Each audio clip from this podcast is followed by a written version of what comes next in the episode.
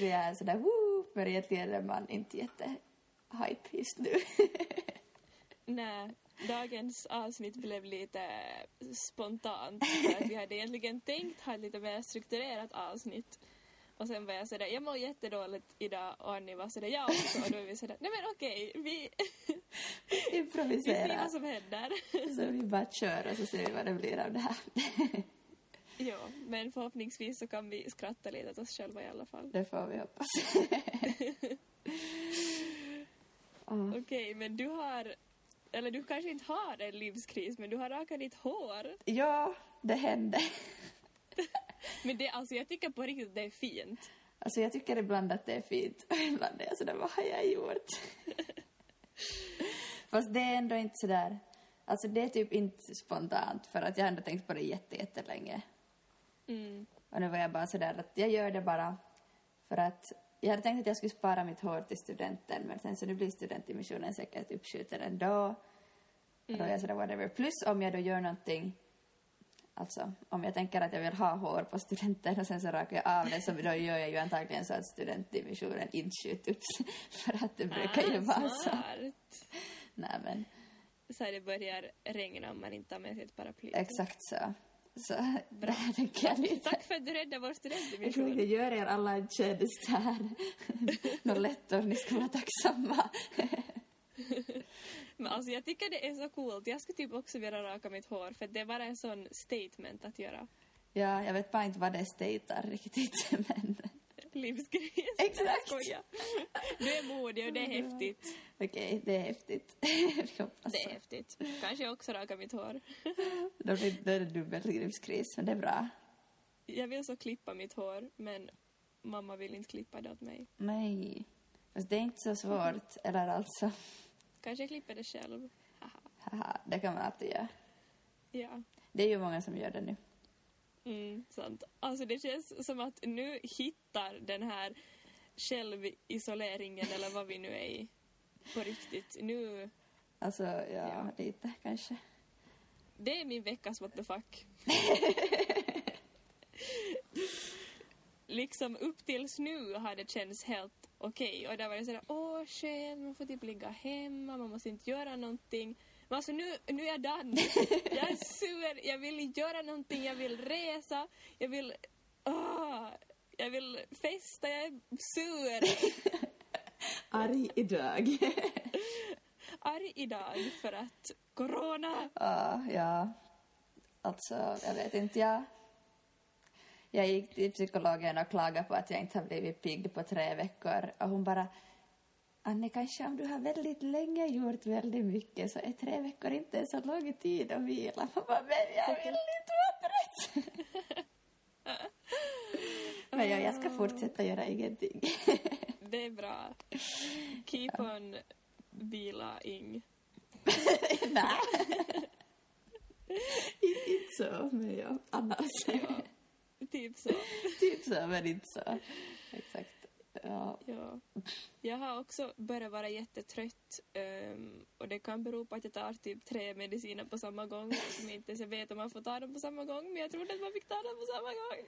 Oj, nej. Men äh, vad heter det, allergisäsong, om du tar antihistamin blir man ju trött av det.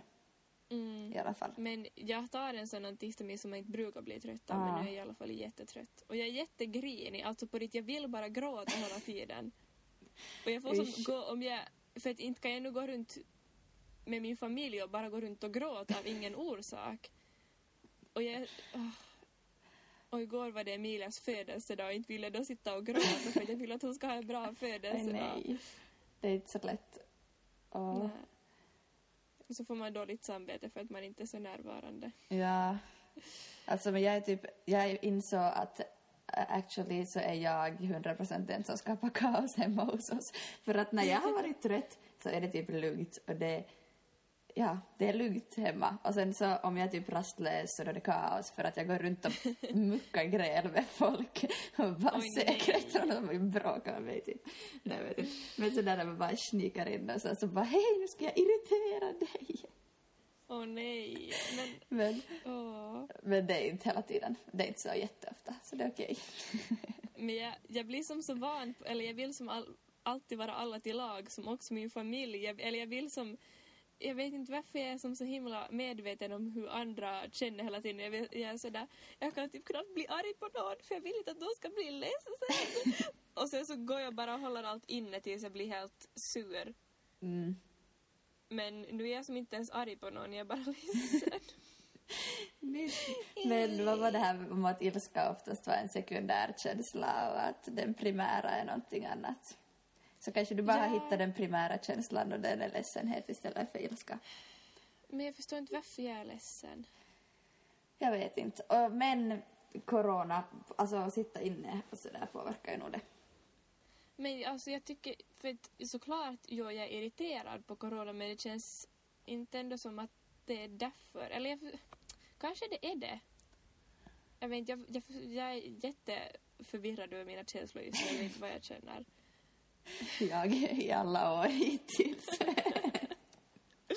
Men jag brukar ändå alltid typ ha sådär att jag är ledsen för att det här och det här. Ja.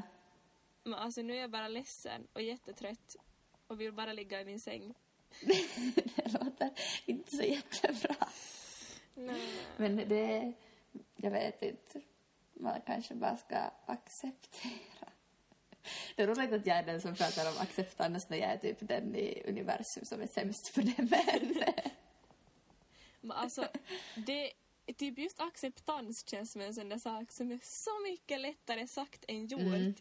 Liksom det är så lätt, och som jag själv märker att jag också ofta säger sådär Ja, men man måste acceptera som det är just nu, att man kan inte ändra på det, så man får typ bara hoppas på det bästa. Ja, Alltså det där är så störande egentligen, för att känna att man inte har kontrollen är ju som det värsta som finns.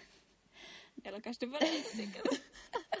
alltså jag skulle säga att det är nog sådär i allmänhet människor vill ha kontroll. Mm. Jag, nu kommer mina teorier från psykologin här. Jag har läst för mycket. Men jag, åtminstone enligt någon, han hette någonting på eller nåja, hur som helst, vem det var, så hans teori var att stress kräver en känsla av att inte ha kontroll för att upplevas som stress. För att människor Oj. som vill ha kontroll och att sånt som stressar en när man inte har kontroll. Så enligt den här mannen så var då stress liksom kräver att du upplever att du har tappat din kontroll. Okej. Dagens sån tietoisku. Det där var intressant. ja. Mm. Men kanske det är lite så att stressen ökar för nu har man ju som på riktigt inte kontroll. Det finns ett virus som härjar helt fritt i världen och inte lyssnar det liksom på vad, man, vad människor tycker. Nej. Men jag tycker typ Loki att det är skönt att det finns ett så här tydligt yttre hot. Mm. Eller jag är som sådär, allt, ju, ju mer oklart, no, okej nu är ju corona som på det sättet oklart och framtiden är jätteoklar men det är liksom någonting som actually är samma för alla. När det, okej, nu får jag ranta av det här. Jag stör mig så på alla vi privileg, privilegierade människor och så här influencers och jag vet inte alla som bara vi är alla i samma båt och det här är samma för alla för nej, corona är inte samma för alla Nej. och det är annat om man bor så här jag funderar när jag lagade mat igår och Albert satt som och hade, skol, hade skola, ja, lektioner i rummet bredvid att hur skulle man ens lösa det här om vi skulle bo jättetrångt? Det skulle vara skitjobbigt. Corona är mycket lättare för folk som bor stort, folk som inte är ensamma och jag vet inte, allt sånt. Men det är som ändå ett yttre hot och det tycker jag typ är dock lättare än någonting så här jätteoklart. Ja, sant. Och typ just för mig också att vi är ju på vår, nu, ja, idag är jag i stan, men vi är på vår sommarvilla. Ja, Ehm, och det är typ ingen runt där så vi kan gå ut hur mycket vi vill och gå ut i skogen. ja och det är ju som ett sånt enormt privilegium det jag tänker på folk som bor i New York där det finns jättesmå lägenheter Ja, och man inte kan gå ut och man som sitter där i sin lilla etta Mhm. någonstans för sig själv. exakt. Ehm, och som alla så- på något sätt som också måste jobba eller som inte har pengar eller sådär. Eller de som just har fått sparken och bara måste sitta hemma och tänka på att de har fått sparken. Ja, exakt. Alltså det måste ju vara helt fruktansvärt. Ja. Så det är Så- samma situation för alla men det är jätteolika situation för alla. Ja, där sa du någonting smart. Men ja. Men alltså ja, jag tycker typ det är skönt med ett yttre hot istället för att det skulle vara som bara någon slags inre kaos. För att nu är jag sådär att okej, nu matchar åtminstone omvärlden med mitt mood för att allt är kaos. Nästan lite nöjd där. typ så. Ja, du tänker så. Nej, jag vet inte vad jag tänker, men det blir typ lite så. Och jag var så Ja, okej. Jo, jag tror jag förstår vad du menar nu. ja, så på det sättet är det ändå helt okej. Vad tycker du förresten om att... För att jag har sett en post speciellt som har cirklat runt på Instagram som är någonting som jag kanske själv skulle ha repostat men sen jag tänkte på det så tyckte jag inte riktigt om det. Det här med att någons kusin typ hade dött som var jättefrisk egentligen. Mm. Ehm, och att det var sådär hmm, this is serious for everybody. Typ, var försiktiga. Ja, Ehm, jag har fått så mycket ångest av den där posten. För att du är rädd för dig personligen eller för att du är rädd för världen eller för att... Varför? Um, no, det blev som, på ett sätt kanske det blev som bara mera verkligt och det Ja. var därför. Eh, men på ett sätt så blir jag som orolig såklart över alla runt mig och för mig själv. Eh, och jag vet inte vad jag tycker om att sprida sånt. Ja, jag tänker typ, alltså min spontana tanke var att, att det är lite som så här pappafeminismen, att det krävs att man måste få en dotter för att man ska börja bry sig om kvinnors rättigheter och att det krävs att din friska kusin dör för att du ska bry dig om riskgrupper. Ja. Uh, sådär, det är typ, jag vet inte, jag har inte själv ens sett det tror jag. Men Nej, okej. eh, ja, och det stämmer ju att det är mera psykologiska teorier.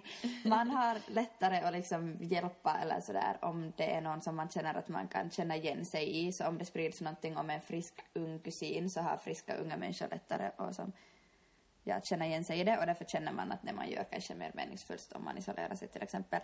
Men det är ju som på ett sätt jättesynd att det inte räcker att man tänker på folk som har liksom någon till exempel bassjukdom. Att det som inte ja, räcker att man vet att det finns jätte- jättemånga som inte skulle klara det oav, alltså, oavsett om de är unga eller friska eller sådär. Ja, och det som... Jag förstår hela grejen med att man som på något sätt vill väcka em, liksom förståelse för corona och Ja. få människor att stanna inne och liksom respektera em, alla restriktioner som regeringen nu har gett och liksom förstå att det här är allvar. Em, men jag tror att för mig personligen så blir det väl bara så här som den förstår att det är allvarligt. Em, så blir det bara det här att den här stressen och ångesten runt corona bara stärks. Em, så jag tror att det som människor som delar det gör det med, en, med bra intentioner och jag tror på ett sätt att det kan göra mycket bra. Em, och det vill jag liksom inte stryka under mattan att det gör något bra. Men det som jag som har börjat ifrågasätta också för att jag har själv spridit sånt. Eh, men jag som börjar fundera att skada det mer än vad det gör nytta, förstår du? Ja, ja exakt. Men det är nog svårt. Det är svårt och jag tänker att man kanske nog också som på något sätt konsument, alltså jag vet inte. Just på sociala medier kanske man måste välja lite vad man tittar på och hur mycket man Ja. tittar och vad man följer. Jag vet inte. Det är så här jättevanligt tips just nu Mm. med corona att sådär följ bara säkra källor och läs inte för mycket varje dag för om du blir stressad av det. Mm. Men, ja, jag vet inte. Det är ju som komplicerat. Ja, exakt. Och det är just... ehm, jag tror att det är många som behöver få ökad förståelse för att det här faktiskt är farligt. Ja, exakt. Ehm, så därför tror jag att de kan göra mycket nytta också. Mm. Ehm, men jag tror att det är lite som... nu drar jag igen en liknelse här. Ja. Som lärare inför studenten. Jag tänkte exakt på samma. Ehm, då, de var, då vissa lärare var typ sådär att ni måste läsa så mycket och har inte börjat läsa ännu och att ni borde ha läst igenom alla böcker en gång. Mm. Ehm, och följderna av det tycker jag sådär spontant och vad jag nu har märkt av eh, andra bekanta att de som liksom skulle behöva höra det och ta till sig att de faktiskt skulle behöva läsa mera för att de inte har läst tillräckligt så de bryr inte sig Mm. Ehm, och de tar ändå inte till sig det. Och de som redan är jättestressade och sitter och hetsläser och ehm, har panik över studentskrivningarna ehm, så tar till sig det och det eldar bara på deras stress ännu mera. Mm. Att jag tror att det är lite den. Ja, jag tänker då att det kan vara nog lite så. Men sen, Att, ja. ja, man vet ju som inte, man vet ju som inte sin publik när man delar någonting på ett sätt.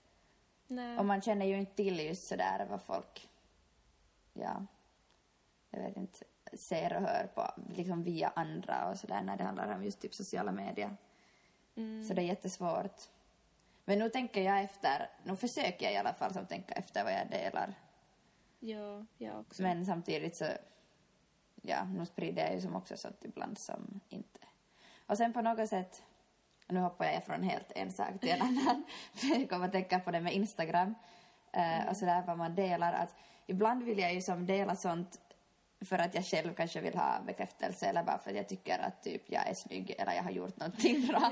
Om jag har tagit en fin bild och sen är jag sådär okej, det är jättemånga som inte mår bra av att se det här för att jag kanske liksom på ett sätt sprider en ohälsosam kroppsbild eller sådär kan öka det för någon men samtidigt är det som så en empowering för mig själv eller sen så bara vill jag ha den där jäkla bekräftelsen så mycket att jag Ja. tänker att jag gör det ändå. Så det är som på något sätt får man, jag vet inte, väga upp det lite. Men samtidigt så valde jag nog liksom, ja typ när jag nu satt upp någonting nyligen, så var jag sådär att jag skulle ha haft någonting som jag skulle vilja satt upp med, jag var sådär att jag tänker inte sätta upp det här för att jag har följare som är kanske yngre än mig själv och är mest liksom unga kvinnor, flickor främst skulle jag säga. Och jag vill Ja. inte liksom publicera sånt som gör folk stressade över liksom sådär. Jag vet inte. Mm. Jo, det där, är som, det där öppnar upp för en jättestor diskussion som vi kanske skulle kunna prata som mer om också. Ja. Ett helt avsnitt om. Ja, Eh, men just det där, det är så svårt om man som inte vet hur andra ska reagera Mm. på det.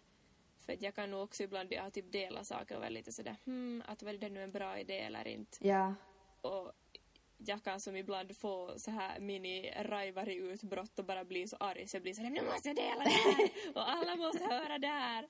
Ehm, och sen i efterhand så blir man lite sådär, oj, jag kanske inte riktigt tänkte efter nu. ja. Det är så svårt att veta och jag vet inte. Det är som sådär på ett sätt måste man tänka att gör det här mer nytta än skada och samtidigt så måste man också få dela spontant och tänka att det delvis nog är liksom på något sätt den som ser dess ansvar att välja om, ja. Ja.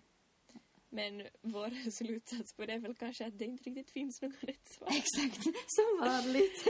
Som vanligt. Ehm, det finns två sidor av allt. Minst. Och man får väl bara försöka fundera och sen ta ett beslut utgående från det.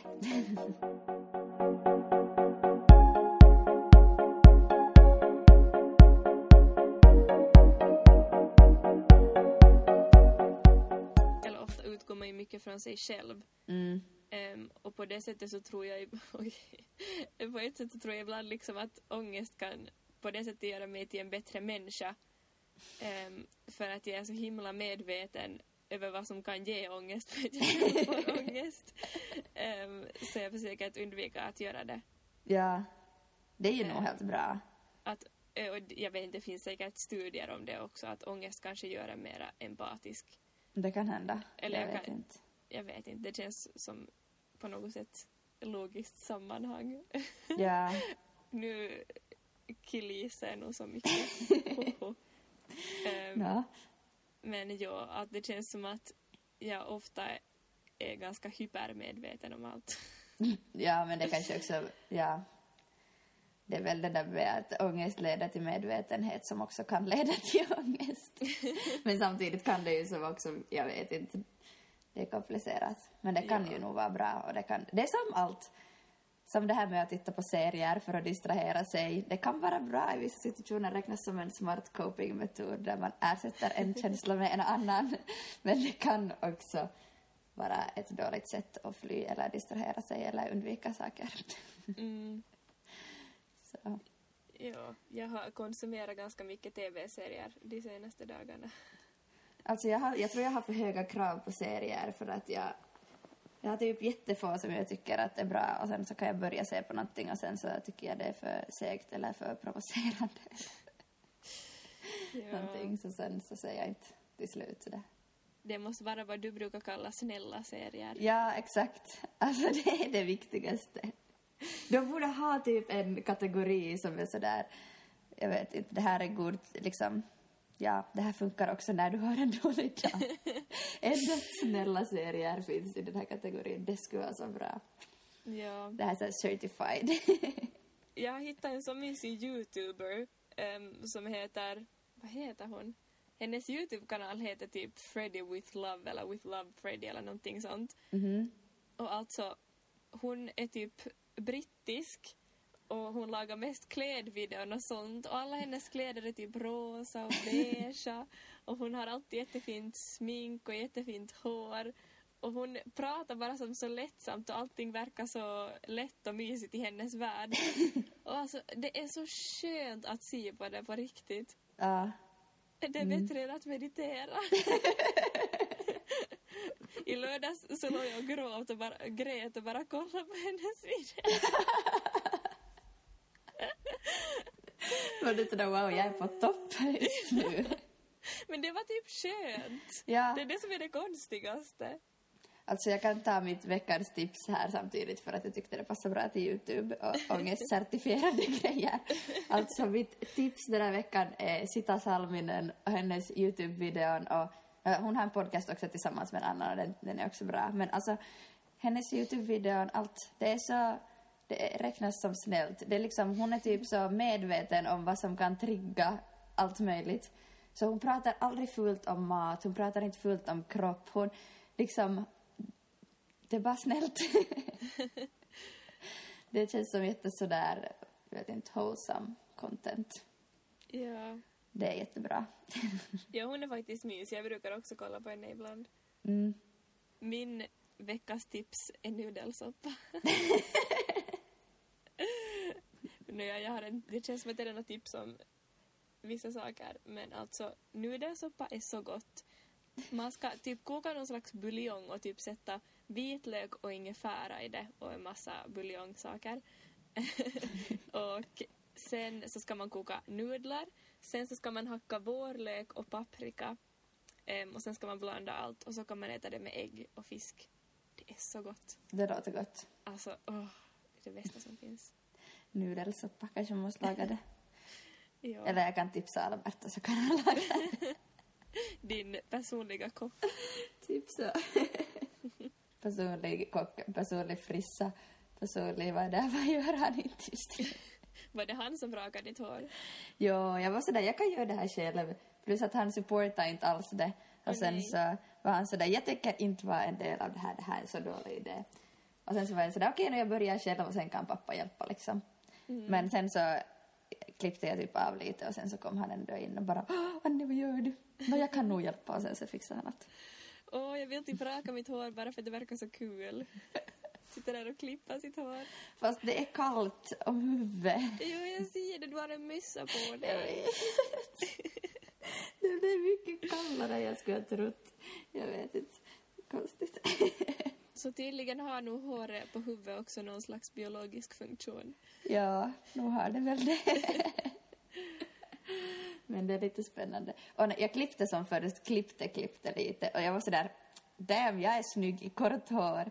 Så när det här växer ut lite mer ska jag gå till en riktig frissa och be dem klippa det snyggt kort och det blir jag excited. Nice. Men ja. Jag vill typ färga mitt hår lila. Tror du det skulle bli bra om jag skulle färga på min hårfärg nu? Eller typ mörkblått? Jag tror du måste typ lite blonda det först, eller? Åh. Men det kan man nog göra hemma. Mm, men jag vill inte ha grönt hår igen för att Ah, jo. done that. Ja, okej. Det stämmer. Det. Men kanske du bara kan använda typ, nej det kanske inte har tillräckligt med effekt, så här, typ silverschampo jättelänge. typ typ tvätta varje dag. Ja, men då får du det kallt och sen kan du färga det lila. Ja, kanske. Jag vet inte. Jag har aldrig färgat mitt hår. Så jag kan inte säga någonting om det. Det Tyvärr. känns som att det här livskrisen börjar slå till. Det här är också så typiskt så här jäkla TikTok life crisis. Man bara, jag ska klippa mitt hår, jag ska färga det lila, jag ska raka mitt hår. Jag ska, bara, ja, Har vi sett för mycket på TikTok? exakt så är det. Antagligen. He, nåja. Men samtidigt så, alltså det gör ju som inget, det är inget dåligt med det så, Nej, så Det det, är som lite sådär, why not? ja. Det där är också en annan intressant fråga. Att är det bra att distrahera sig själv? Borde man som embracea sina känslor eller är det okej att ibland bara Man ska- sig... Ja, det här har jag svar på för det har jag pratat om så mycket med psykologen. Wow, okej. För att jag är en master av att distrahera mig själv. Men eh, man ska... Man kan inte alltid embracea sina känslor för att då blir det för mycket lätt. Eller det här gäller för mig personligen. Det här, jag kan som inte säga att det här är för alla, det beror ju lite på vad du är för skede av ditt liv och sådär. Men i alla fall, man, ska, man behöver inte alltid embracea sina känslor, men man kan inte alltid distrahera sig heller. Och till exempel så kan du som en stund sitta i dina känslor och sen så distraherar du dig efter det för att som komma ur det. Det var det här med att ersätta känsla. Okej. Så att man måste inte tänka att man hela tiden måste vara i sina känslor. Att det är som inte heller något på det sättet självändamål. Men att man som inte hela tiden heller ska distrahera sig eller göra annat eller inte låta sig vara i sina känslor. Okej.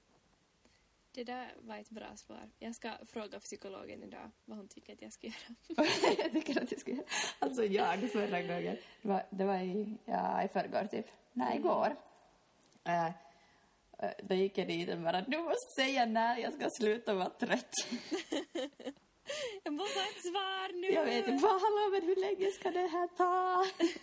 Och hon bara sådär, jag kan nog inte ge ett svar på det. Jag bara, men jag vill veta. Jag börjar bli lite trött på det här hela ångestgrejen. Alltså det, ja, nej. Men alltså, ja, jag kan ju säga att jag tar en medicin mot ångest också. Som på något plan borde hjälpa. Ehm, men jag, har, jag hade väl kanske högre förväntningar på den. Det kan ju liksom inte ta bort ångest heller. Ja. Och sen så kan det ju hända att det bara funkar i perioder. Eller jag hör att det har varit så för andra så jag vet inte om den typ har slutat funka nu. Eller Mm. någonting. Du kanske måste så här clear up, di, vad heter det, din, alltså inte jag menar, nu lät det jättedumt, jag menar för, gör förtydliga din ångest för att jag, alla som lyssnar kanske inte vet. Ja, eh, det känns jätteofficiellt. Men alltså egentligen, jag skulle vilja prata om det helt öppet för det är ingen större grej än att typ ha astma. Det är som en diagnos och det är det. Mm. Eh, men alltså jag har en diagnos som heter GAD. eh, generaliserat ångestsyndrom. Eh, förkortningen kommer från engelskans ord.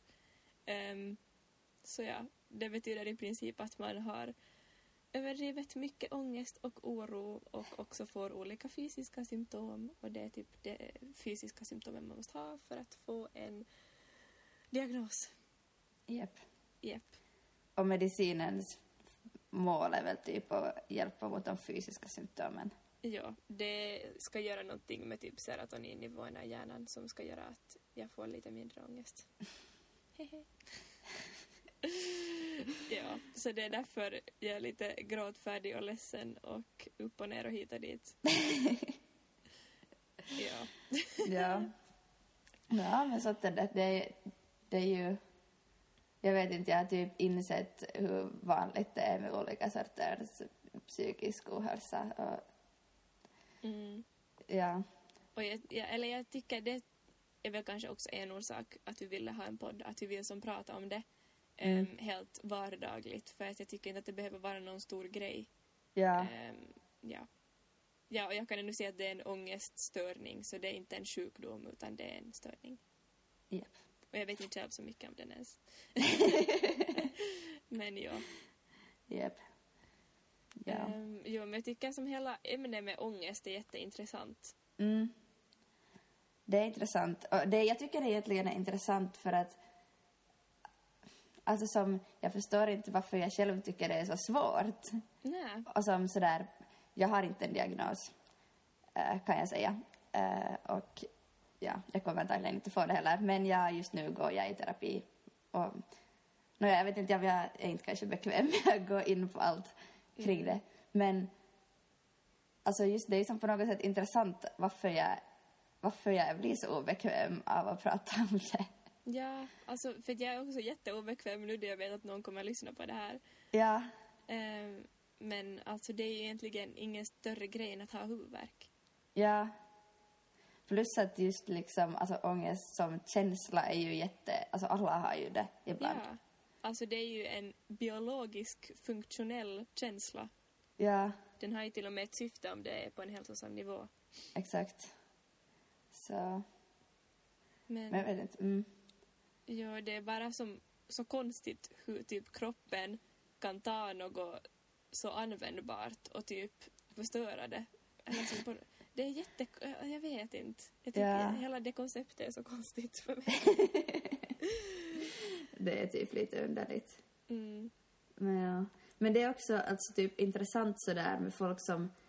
Eller jag tänker typ att om man blir en sån som pratar om mental ohälsa så då är man plötsligt bara en sån som pratar om mental ohälsa. Jag vet. Och därför är det typ lite alltså, intressant att vi kan som... Eller vi försöker i alla fall tänka att vi kan som prata om det också men vi kan typ också prata om våra liksom, andra saker, om åsikter och allt måste som inte handla om det heller. Nej, exakt. Och jag vill inte... För det känns som att lätt om jag skulle som i förbifarten mera vara sådär jo, jag har typ GAD eller jag har ångest. Att Ja. det känns som att det direkt tar konversationen i en annan riktning. Ja, Ehm, och folk är sådär, åh varför måste hon typ säga det till alla, usch vad störande. Nu har jag typ inte sagt det till nästan någon. Eh, men att det, jag tror att det lätt blir som sådär att det verkar som att man klagar. mm, Men egentligen skulle jag bara vilja normalisera det för att det är så vanligt. ja.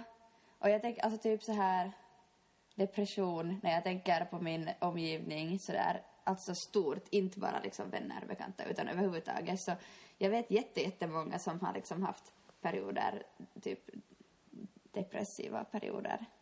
Och liksom ja, utmattning och sånt. Och det är ju som inte, när man på något sätt inser att säkert, jag vet inte, hälften av alla jag känner någon gång haft det så är det som sådär att ah, kanske det inte är så konstigt och kanske det är så på något sätt en del av livet att man emellanåt kan liksom få liksom lida av någon slags mental ohälsa eller sådär.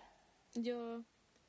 Och jag tycker därför att det skulle vara så viktigt också att prata om det öppnare då det är som så många som berörs av det. Ja, För att bara som att... Jag, jag vet inte, jag tycker bara att det borde vara normalt för att som själva psykiska ohälsan blir också tusen gånger värre om man dessutom ska måste på något sätt dölja den och skämmas. ja, Att liksom, jag vill bara att det ska vara normalt för att det är ganska normalt, tyvärr. Men så Ja. är det. ja, Och just liksom... Jag vet inte, det känns som att folk typ blir lite rädda och lite sådär oj nej, nej men Mm. oj, är, du okej? Liksom... Jag vet inte. Och det är jättesvårt alltså när man upplever att folk blir rädda av saker som man säger eller sådär.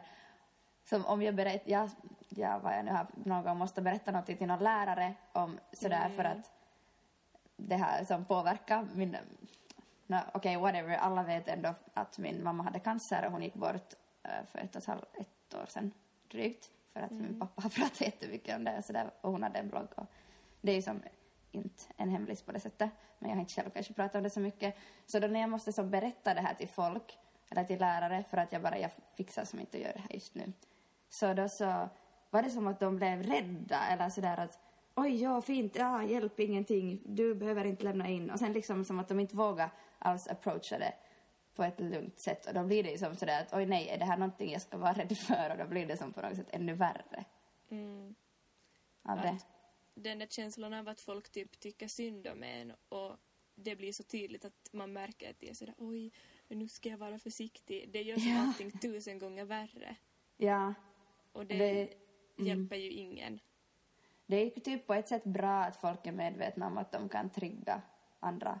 Men samtidigt kanske man måste som vara medveten om det och på något sätt sådär acceptera, gud det kommer acceptans, acceptera att man kommer att göra fel och man kommer att trigga någon antagligen.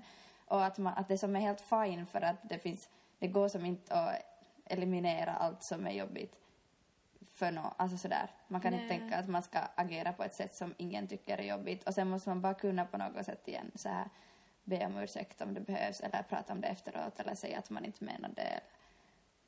Ja, Sådär. alltså, typ om alla skulle kunna vara lite öppnare. Ja, För att man ska, jag tycker man ska ändå som låta sig själv på något sätt vara och vara snäll mot sig själv.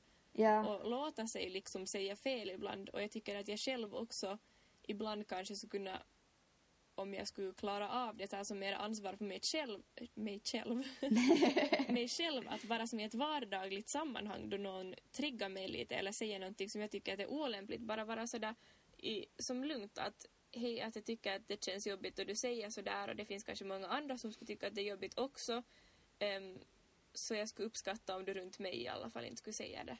Ja, och sen kan, då är det ju som att det går ju så pass, alltså det är ju inte så svårt heller att svara på det för då är man sådär, ah förlåt, det var inte alls meningen, jag har liksom, jag har inte behövt tänka, eller jag har inte tänkt på det förut, men jag ska försöka och påminna mig i framtiden liksom. Ja, och så är det det. Och det behöver som inte vara något konstigare än det. Ja, exakt. Ja, Men det är ju nog, alltså det är ju nog som svårt. Och, det... det är jättesvårt. Ja. Och sen, ja, men samtidigt är man, ibland är det sådär att herregud, vissa saker... Ja, man måste få typ sprida sånt som är starkt och sådär, men ibland känns det som att i vissa situationer så skulle man kunna sätta någon trigger warning typ för att Ja, och det är som jätteonödigt också på något sätt i vissa situationer. ja, exakt. Och det kommer väl kanske tillbaka lite till det här PK också, att man som ska tänka efter lite vad man säger. Ja, ja, Mm. Och just, jag vet inte, det är mycket som kan ge folk ångest som man kanske inte tänker på. ja. Um, Och man ser ju som inte kanske heller förrän man själv har det. själv upplever det. Typ. Alltså jag, blev så, jag är fortfarande arg på studentexamensnämnden. Jag är för sig ganska ofta arg på studentexamensnämnden. Men för vår modda skrivkompetens, liksom, de satt en helt jättestark video som Mm var jättejobbig att se på och liksom påverka min koncentration under, alltså som jättemycket och jag måste liksom, ja, nåja, då var jag igen sådär att okej, jag vill inte vara jobbig så jag bara går på vässan och tar lite djupa andetag innan jag går tillbaka. Men det är som sådär, de skulle ha kunnat satt dit att varning för starkt innehåll typ, eller att äh, videon innehåller, kan innehålla sånt som är liksom upprörande eller någonting. Någon liten som videotext så skulle jag ha kunnat sett det. Jag skulle ha kunnat valt att okej, jag vet att jag vill inte se den här före jag har skrivit klart för att det kan påverka min prestation. Och sen så kan jag som välja att inte se det istället för att jag som klickar på det och sen så märker jag att shit, det här kan jag inte handle. Och sen så på något sätt påverkar det jättemycket. Jo, alltså där tycker jag nog att studentexamensnämnden faktiskt gjorde bort sig lite för att så där tycker jag inte att man kan göra faktiskt. Ja, det var som... Och det var just sådär, det var onödigt för att det var säkert, jag vet inte, såg aldrig den där videon till slut för jag tänkte att jag skulle kunna titta den efteråt men sen ville jag bara falla ifrån. Efter när jag var klar så, så, så stack jag. Men... Så jag vet ju inte hur den slutade eller sådär. Men det är som så lätt att sätta dit en text om att det är liksom typ några ord bara sådär. Att vad det handlar om. Så att folk kan veta på förhand liksom på något sätt. Jo, Men och det är just den där jobbiga känslan av att känna sig jobbig. ja, exakt. att, va, att man vill inte alltid vara den där som är sådär äh, men nu blir jag faktiskt ledsen av det här. Exakt. Eh, men på samma gång så, alltså man blir ju ledsen och det är väl inget konstigt. Nej. Men det är ju just sådär att sen vill man inte vara den som är så här. Alltså jag känner typ att det är jättesvårt för jag är sådär, jag vill inte vara den som ska bli tyckt synd om för att oj nej, det är hon som har den döda mamman liksom. Men samtidigt är det en på ett sätt jättesom stor del av vem jag är. Samt, alltså sådär. På ett sätt. Så det är ju som, jag vet inte, det är liksom alltid komplicerat typ.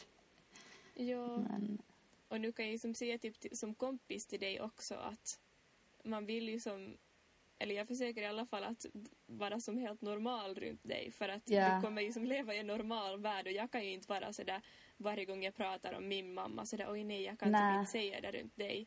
nej, exakt. Ehm, men på samma gång kanske ändå vara lite medveten ibland om vad jag säger. Ja. Och det är kanske just det, alltså på ett sätt är det ju som mitt problem. Mm. Att jag kan som inte tvinga hela världen att cirkla kring vad jag tycker att det är jobbigt eller sådär. Men samtidigt så är det ju som, i vissa situationer är det just så lätt att ta lite extra hänsyn så då kan man ju som bara göra det. Ja, exakt.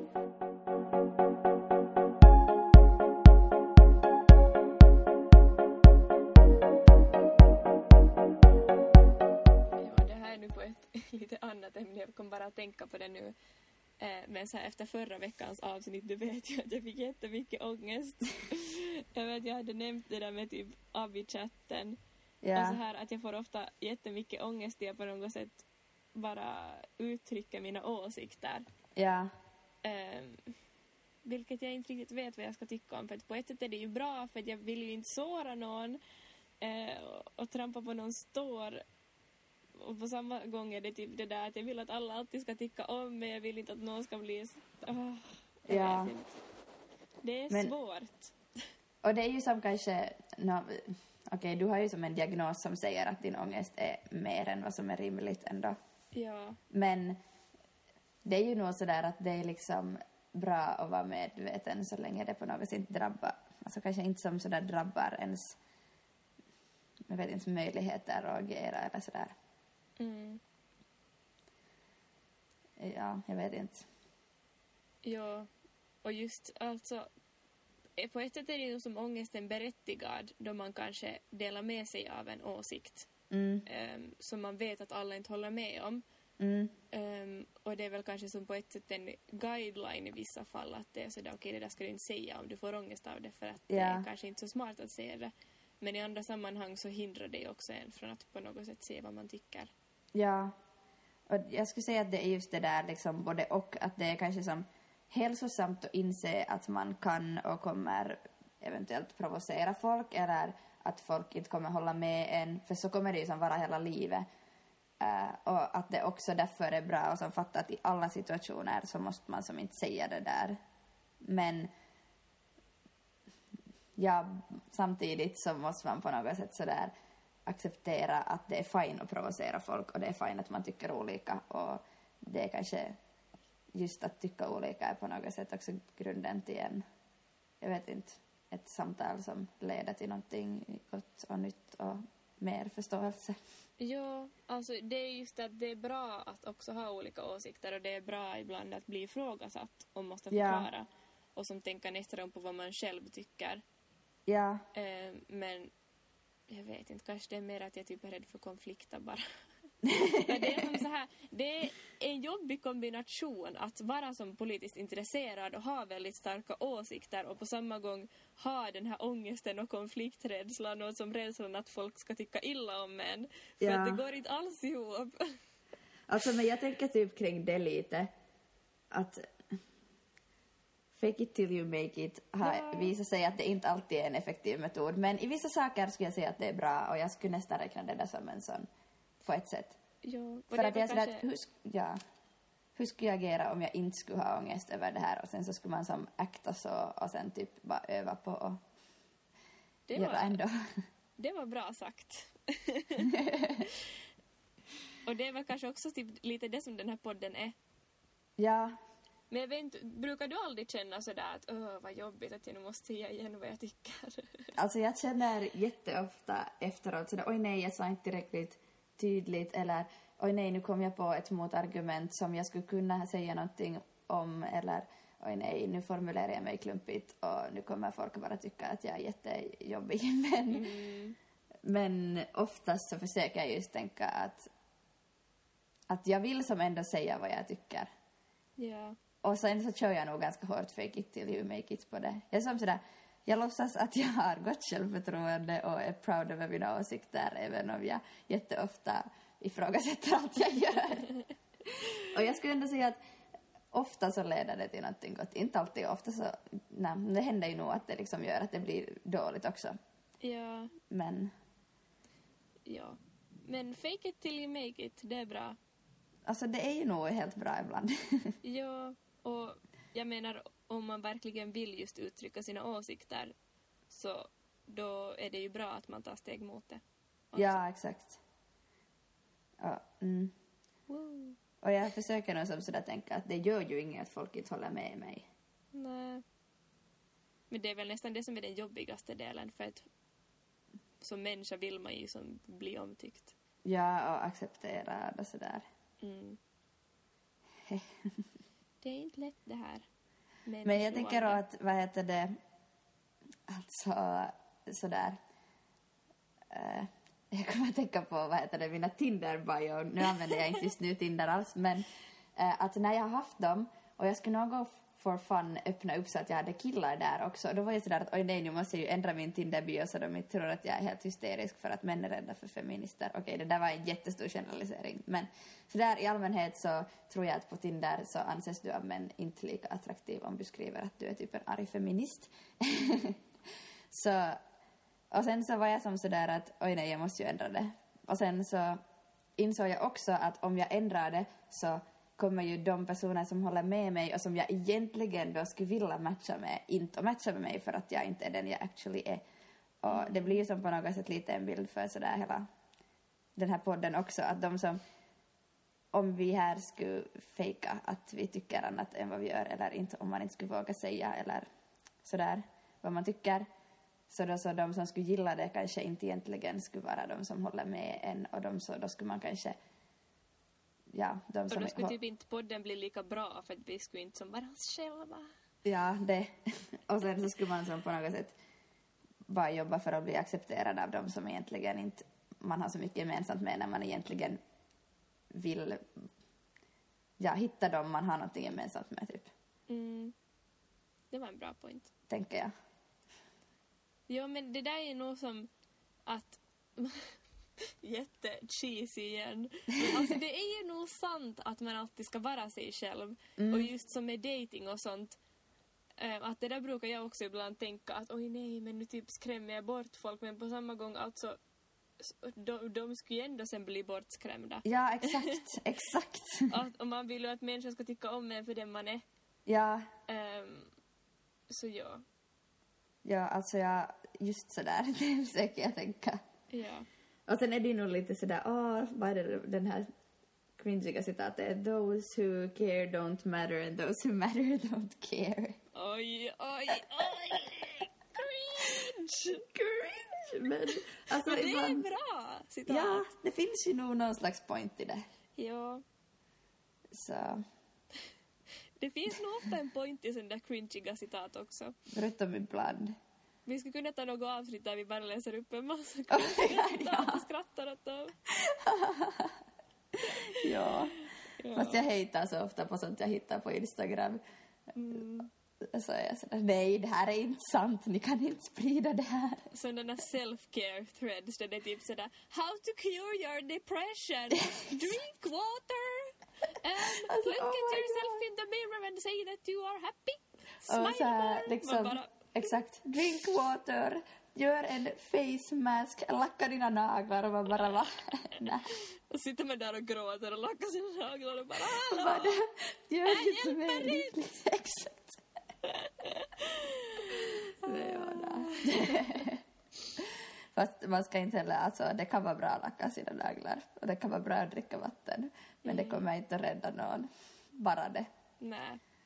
Och Men typ, ja. det var någon bok som jag läste på baksidan om där det var typ sådär definitivt en serotoninhöjande bok. Jag bara och så var jag till mamma sådär alltså det enda som höjer min serotonin är mina mediciner.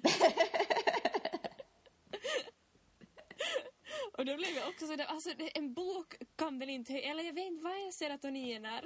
Hjälp! Serotonin är ett transmittorämne i hjärnan Okej. som fungerar i synapsen mellan nervcellerna och förmedlar information. Men kan en bok då i princip höja serotoninceller om den är behaglig att läsa? Alltså, jag skulle säga, min bild är att man inte vet jätte, jätte, jättemycket om de olika transmittorämnena och hur de fungerar. Och man har som hittat vissa samband som just äh, att depression hänger ihop med minskat serotonin och att medicin som påverkar serotoninet påverkar ens välmående. Men man vet typ, och jag är inte en expert, men man vet inte så mycket att man kan, att jag skulle som kunna på något sätt säga att det finns någon fakta som säger någonting. Men sen så var det någon som sa att man kan titta på kattvideon för att det... Ja, men det var inte serotonin. Det var oxytocin som är ett hormon som ger välbehag. Eller känsla av välbehag. Jag blev också bara så förvirrad då det stod på baksidan av den där boken bara kommer definitivt att höja dina serotoninnivåer. Men bara va? Det är Alltså, ett jätterandom statement och det är antagligen Jag inte baserat på någon vetenskap. Alltså mitt veckans what the fuck är sådana jätterandom statements av folk som uppenbarligen inte vet vad de pratar om. Ja. Och det Jag finns har så många mycket what the sånt. fucks den här veckan. Ja. Men just någon- alltså om typ så här ångest och sånt, det finns så mycket sådant. Mm. Alltså, alltså vad är det här grejen att det på Instagram sprids en sån här eh, ett inlägg där det står typ att om din första tår kommer från högra öga så är det typ glädje, om det första är från vänster så är det smärta. Va? Man bara, hur, va? Nej, inte sant. Kan de? Dumma människor! Jag går bara alltid in och sådär report och sen sätter jag att det här är inte faktabaserat. På riktigt! Jo, jag gör det varje gång för jag bara, någon sån- måste göra det här. Det där är en sån Karen-grej. Men ja, alltså, ja, nej. Det gör mig alltid lite provocerad. Alltså, det här var ett så råddigt avsnitt. ja, jag typ bara helt random prata. Men alltså det känns som att vi ändå har fått några bra saker sagda. Ja, det kanske kan vara så här sällskap åtminstone en stund. Ja, kanske Exakt. sådär lite hjärndött att lyssna på. Fast vi säger nog viktiga saker så lyssna Ja, vi, också. ja, det finns points däremellanåt. Om man riktigt lyssnar efter. Exakt. Ja. Har du någon veckans what the fuck som du skulle vilja avsluta med? Hade jag någon veckans what the fuck? Jag känner att jag bara har slängt ut mig lite Alltså jag, jag funderar just på om jag hade en vecka, om jag sa något redan men jag har säkert inte sagt något. Och jag hade inte kommit på någon bra innan. Okej. Men ju veckans, nej, vi har ingen bra veckans what the fuck. Okej. Ni får klara er utan den här gången. Jag har slängt ut så många så jag har säkert kompenserat. Absolut. Jep. Ja, Det var väl det för den här veckan. Det var det. Hoppas. Vi kan säga ännu att Ja. nu finns podden förutom på Spotify och på den här Anchor som är det här host-sidan. Så finns den också åtminstone på Google Podcasts och på massa random podcast-sidor som jag inte exakt vet vad de är. Men det finns på fler ställen i alla fall. Inte ännu på iTunes, men Okej. i alla fall på många ställen. Ja, så om ni inte har om ni har något annat än en iPhone så kanske ni kan hitta oss någon annanstans. Jep. ja, Ja. Så, hej då. hej då. Tack för oss. Tack, tack. Hej, eh, det här är Caroline som editerar. Jag vill bara säga nu också att vi finns på Apple Podcasts, alltså den där lila podcast-appen som finns på iPhones. Det var allt. Hej då!